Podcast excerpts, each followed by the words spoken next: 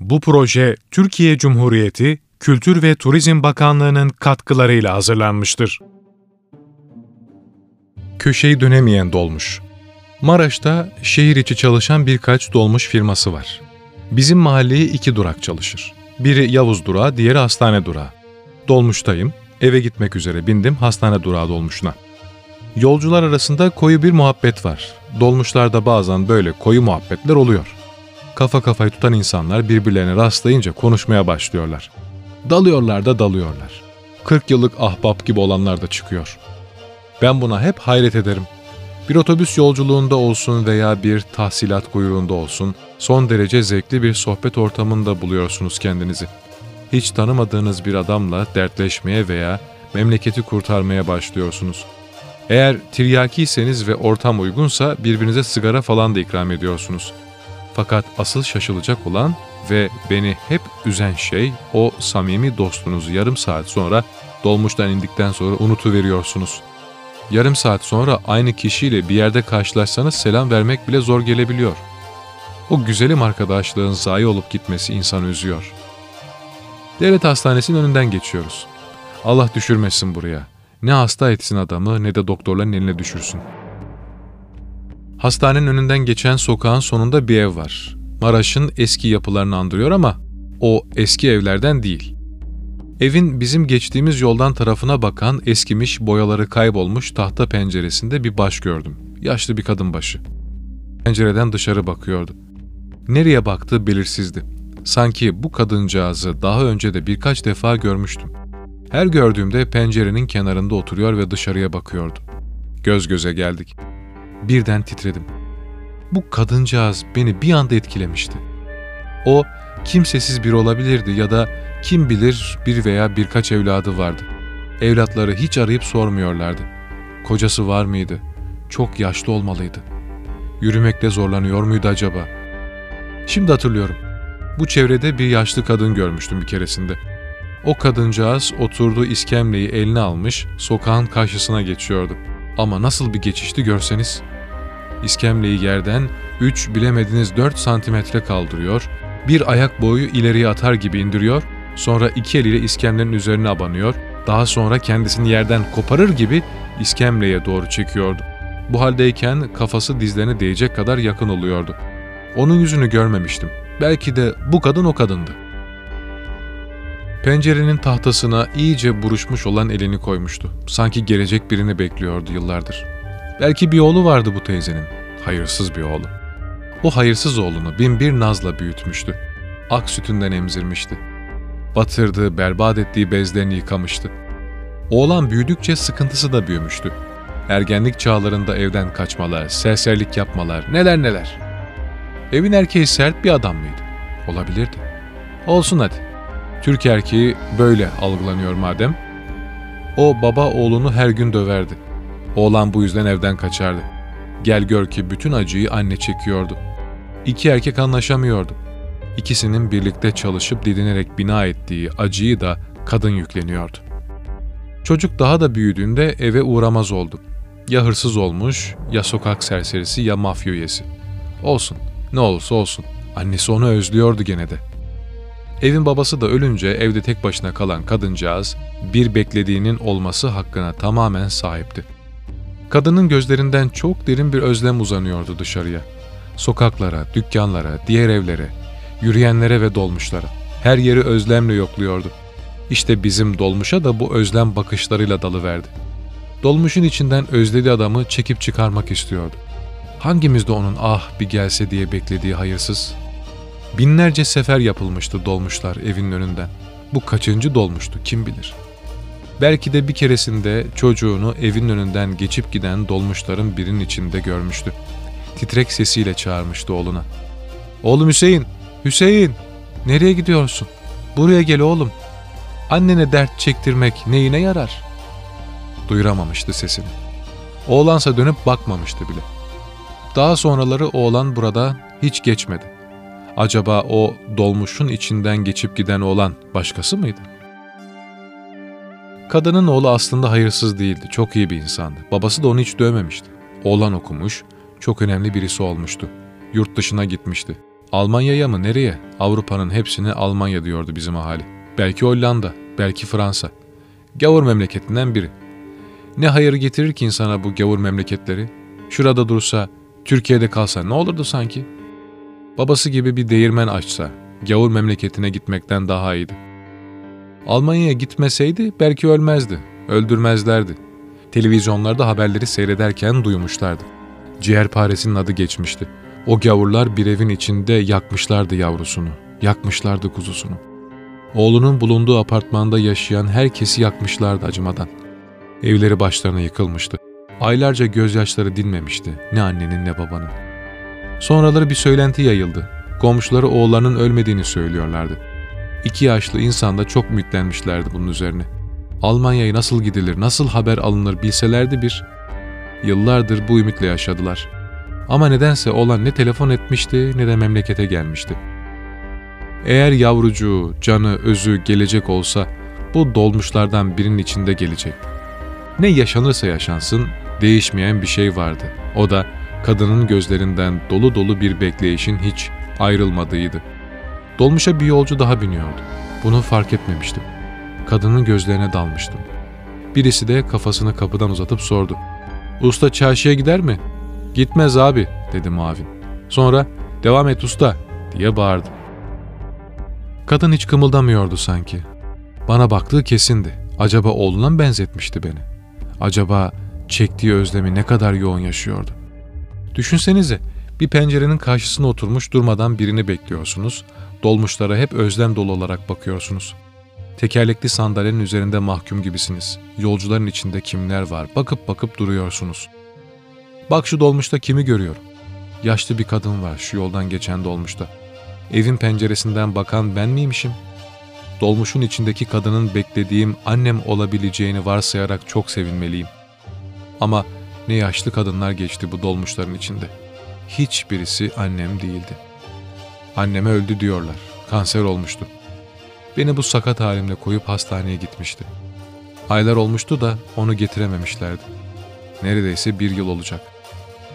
Ya yatalak olduğumdan dolayı üzmemek için söylemiyorlardı bana ya da annem ölmemişti. Ölmediyse neden gelmiyordu yanıma? Gözlerime anne bakışlarını neden ikram etmiyordu? Benim anneye ne kadar ihtiyacım olduğunu bilmiyor muydu? Ama beni unutmuştu. Kabul edemem. Annem hasta olamaz. Ben ona muhtaçken o kimseye muhtaç olamaz. Her sabah bu pencerenin önüne oturturlardı beni. Bunu ben isterdim. Annemin şu hastane dolmuşlarından biriyle geleceğini umuyordum. Biliyorum, biliyorum annem de muhtaç olur tabii. Bunu söylediğim için üzgünüm. O da bir zamanlar bir çocuktu, onun da annesi vardı. Her annenin annesi vardı, her babanın babası. İnsan evlenip güçlü bir aile, güçlü bir baba olmalı. Yoksa ne muhtaç olduğunu ne de güçlü olduğunu anlayamaz. Anlamayandan da insan olamaz. Bir anne sakat da olsa gücünü anlar. Bir baba zihinsel engelli bile olsa babadır. Doğru. Ne kadar da olsa bir kadının bekleyişiyle bir erkeğin bekleyişi aynı olmaz. Pencerenin öte tarafında ben olsaydım gerçekten beklediğim kişi mutlaka şu kadının beklediğinden farklı biri olurdu. Onun gibi bir duygu bende olmayacak hiçbir zaman. Onun duygusunu ne kadar sezebilirim? Benim duygularımı kim ne kadar sezebilir? Ücretini ödememiş olan var mı? diye sordu muavin. Elimi cebime attım, geri çıkardım. Ben ücretimi biner binmez vermiştim. Hep öyle yapardım çünkü. Bu herkesin alışkanlığıydı. Bazen ayakta kalanlar bir yere tutunduğunda ceplerine uzanmaları çok zor olurdu. Bu yüzden daha sonra verirlerdi ücretlerini. Sahi bir yatalak olsaydım o pencerenin ötesinde ya da spastik özürlü biri. Konuşamıyorsun, konuşmak yerine bir takım uğultular çıkartıyorsun. Söylediklerin anlaşılmıyor. Hem yatalak olduğuna üzgünsün hem de anlaşılmadığında her seferinde tekrar tekrar yıkılıyorsun. Bazen bu duruma öfkeleniyor, çıldırıyorsun. Aman ya Rabbi. Sana bakan biri, birileri var. Yıllar yılı seninle uğraşmaktan usanmış, bıkmış birileri. Yanından ayrılamayan, kendi hayatını özgürce yaşamayan, senden bazen nefret eden ama çoğu kez acıyan birileri. Ben böyle birini görmüştüm Artvin'de. Görmüş çok etkilenmiştim. Artvin'de bir köyde. O zamanlar Artvin'de çalışıyordum. Sene 92'lerde. Güzel bir köyde, şirin bir okuldaydım. İlk görev yerimdi. Borçka'ya bağlı Güreşen köyü, Madenli mahallesi. Bir ara geçici görev vermişlerdi 15 günlüğüne. O 15 gün gibi kısa zaman için evimi taşımak gerekmediğini düşünmüştüm. Gidiş geliş yapmaya razı olmuştum. Her gün 2 saatlik yolu yaya olarak gidip geliyordum. Şerefiye'nin Şanlı mahallesinde görev yapan öğretmen arkadaş, çalıştığı köyden bir kızla kaçmıştı yarı tatil başında. Öyle olunca tatilden geri gelememiş, hemen müracaatını yapıp askere gitmiş. Öğretmensiz kalan köye yeni atama yapılamayınca geçici görevlendirme yapmışlar. Nasipli benmişim. Verdiler işte bizi. Artvin'de bütün Karadeniz'de olan gibi bir özellik vardır.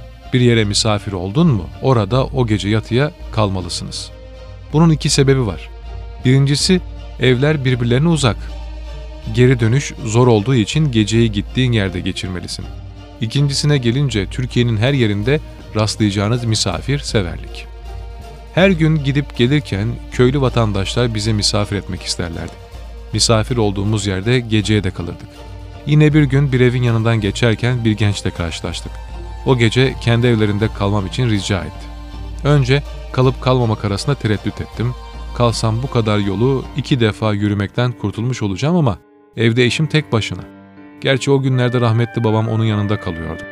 Genç ısrar edince kalmaya karar verdim. Peki deyip gencin peşine düştüm. Yürüdük evlerine vardık. Evin içine girdiğimde yoğun bir ıstırap yüzüme gözüme yapışıverdi. Ağır bir hava üstüme abanı verdi. Bu evde farklı bir şey vardı. Daha önce hiç karşılaşmamış olduğum farklı bir şey. Bir kerevete oturduk. Bir yaşlı amca vardı. Beni eve davet eden gencin babası olmalıydı. İki tane hanım dolaşıyordu evde. Orta yaşta bir kadın, genç yaşta başka bir kadın. Yaşlıca olan annesi, genç olan hanımıydı bu gencin. Hepsi hoş geldin dediler. Orada ileride odanın orta yerinde arkası bize dönük henüz 16 veya 17'sinde bir kız vardı. Sağ tarafa konmuş kerevetin bana göre uzakta kalan uç tarafında oturmuştu.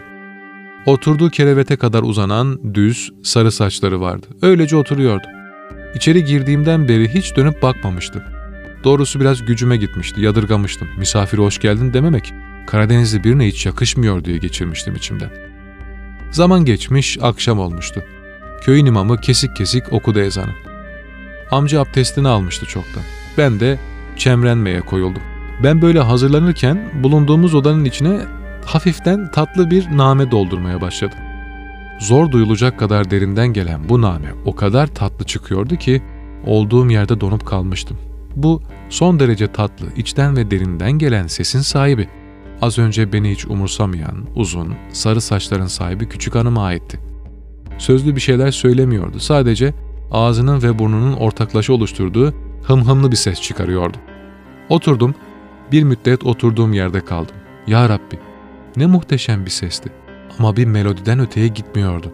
Sanat müziği hımırdanıyordu. Bir de sözlerini söylese hangi beste olduğunu çıkartacaktım. Değme solistlerden iyiydi sesi. Dengeli ve kontrollüydü. Tane tane çıkartıyordu melodiyi. Ben bir hoş olmuştum. Ne oturmaya ne de kalkmaya kararım vardı. Kelimenin tam anlamıyla şok halindeydim. Melodiyi çıkarırken sallanmaya başladı. Bir ileri bir geri harekette ırgalanıyordu. Gitgide sesini yükseltiyordu. Hiç ara vermiyor, bir şarkıdan diğerine bağlantı kuruyordu. Aynı makamda olanları birbirine ekliyordu. Sonra susuyor, başka bir makama geçiyor, yine şarkıları birbirine ekleyerek hımhımlanıyordu. Sanat müziği makamlarını öyle ustalıkla bağlıyordu ki anlatamam. Repertuarı çok geniş olmalıydı. Bu nasıl biriydi böyle? Hayretten hayrete geçiyordum. Yavaşça kalktım. Genç arkadaş, abdest mi alacaksın hocam diye sordu. Evet dedim. Gel hocam dedi. Peşinden yürüdüm, genç kızın önünden geçiyorduk. O hala bana bakmıyordu. Yere diktiği kafasını kaldırmıyordu. Halbuki ben olanca ilgimi ona vermiştim. O beni görmüyordu. Dikkatlice baktım, saçları yüzünü kapatmıştı. Gözleri seçilmiyordu. Nereye bakıyordu bilemezdiniz. Namazdan sonra odaya döndüğümde o hala şarkıların melodisini çıkartıyordu. Hmm, hmm, hmm. Artık bir hayal alemindeydim. Bu dünyada değildim. Onunla birlikte gökyüzüne doğru sonsuz bir yolculuğa çıkmıştık. Uçan atların çektiği arabayı o kullanıyordu. Söylediği şarkılardan oluşmuş kırbacıyla atları şahlandırıyordu. Hızla uçuyorduk. Savrulmamak için binmiş olduğumuz atlı arabanın kenarlarından sımsıkı tutuyordum. Saçlarım savruluyordu. içime bu sonsuz yolculuğun nefes kesen heyecanı doluyordu. Bu başka alemlerdenmiş gibi içime dolan kızın namesi bir kara deliğe doğru çekiyordu ikimizi. O aslında benimle son derece ilgileniyordu. Günlerdir beni bu yolculuk için beklemişti. Ben gelir gelmez de arabasına alıverip yollara doğru uçuvermişti. Bu evden geri çıkıp gitmemem için arabasına bindirmekte acele etmişti. Evet, beni bekleyen oydu. Ona muhtaç olansa bendim. Gökler aleminden gelmiş olan arabasının içinde sarı saçlarının altına gizlenmiş olan fizik ötesinden bir ajanla birlikte ırgalanıyorduk. Bir ileri bir geri, bir sağa bir sola. Hem uçuyorduk hem ırgalanıyorduk. Şarkıları birlikte çıkarıyorduk göğsümüzün orta yerinden. O hasta hocam. Genç arkadaş yanıma oturmuştu. Gözlerini benden kaçırıyordu. Hasta mı? dedim. Evet dedi. O konuşamaz. Kötürüm biridir. Yürüyemez. Her gün böyle mi? Öyle. Durmadan bir sesler çıkarır. Yıllarca uğraştık çaresini bulamadı. Artık tamamen şaşkına dönmekte haklıydım. Şu kıza bakın. Sipastik özürlü bir kız, henüz 15-16 yaşlarında. Yerinden kalkamıyor, konuşamıyor ama akıl almaz bir şekilde tertip ve usul içinde Türk sanat müziğinden nameler çıkarıyor. Affedersiniz, az yerleşir misiniz? Bir müşteri yanıma oturuyordu. Dolmuştaydık ya biz. Öyle ya. Pencereye bakıverdim. Pencereden bakan Nine oradaydı. Yanındaki kerevitin ucunda o sipaslı özürlü kız saçlarını yüzüne dökmüş, ırgalanıp duruyordu. Onlar oradaydı işte. Her ikisi de bana ait iki insan. Şu kahrolası dolmuşta ne işim vardı benim? Bu dolmuş neyin nesiydi? Dolmuşun kapıları neden kapalıydı? Neden hareket etmiyordu? Bu dolmuş bu köşeyi dönememişti. Öylece kalmıştı. Yürümüyordu. Kaptan ve yolcular birer ölüydüler.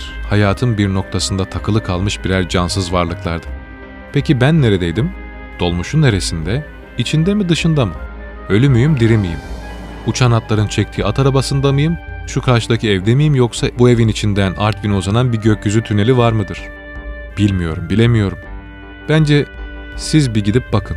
O dolmuş hala orada. Görmek mümkün. Görmek. Gerçekten mümkün. Bir hastane dolmuşuna binip hastanenin önünden geçeceksiniz. Sonra o köşeye geleceksiniz. Oraya geldiğinizde iyi bakın. Yolda durmuş, bir şeyler beklemekte olan o dolmuş ve içindeki yolcular var ya, onlar sizi bekliyor olacak. Sonra başınızı kaldırıp tarif ettiğim pencereye bir bakın. Orada Maraşlı bir nine ve Artvinli bir sabi kız göreceksiniz. Nine durmadan size bakacak. Buruşmuş elleriyle pencerenin kenarından tutuyor olacak. Kız da o ninenin yanındaki kerevitin ucunda saçları yüzünü kapatmış, var edilmiş olmanın anlamını namelendiriyor olacak. Hım, hım, hım. Dolmuş hala orada. Dolmuşun içinde de ben varım. Ben. Bekleyen yolcu. Beni arayanlar gelsin. Gelemeyenlerse gelenlere selam yollasın. Aleyküm selam.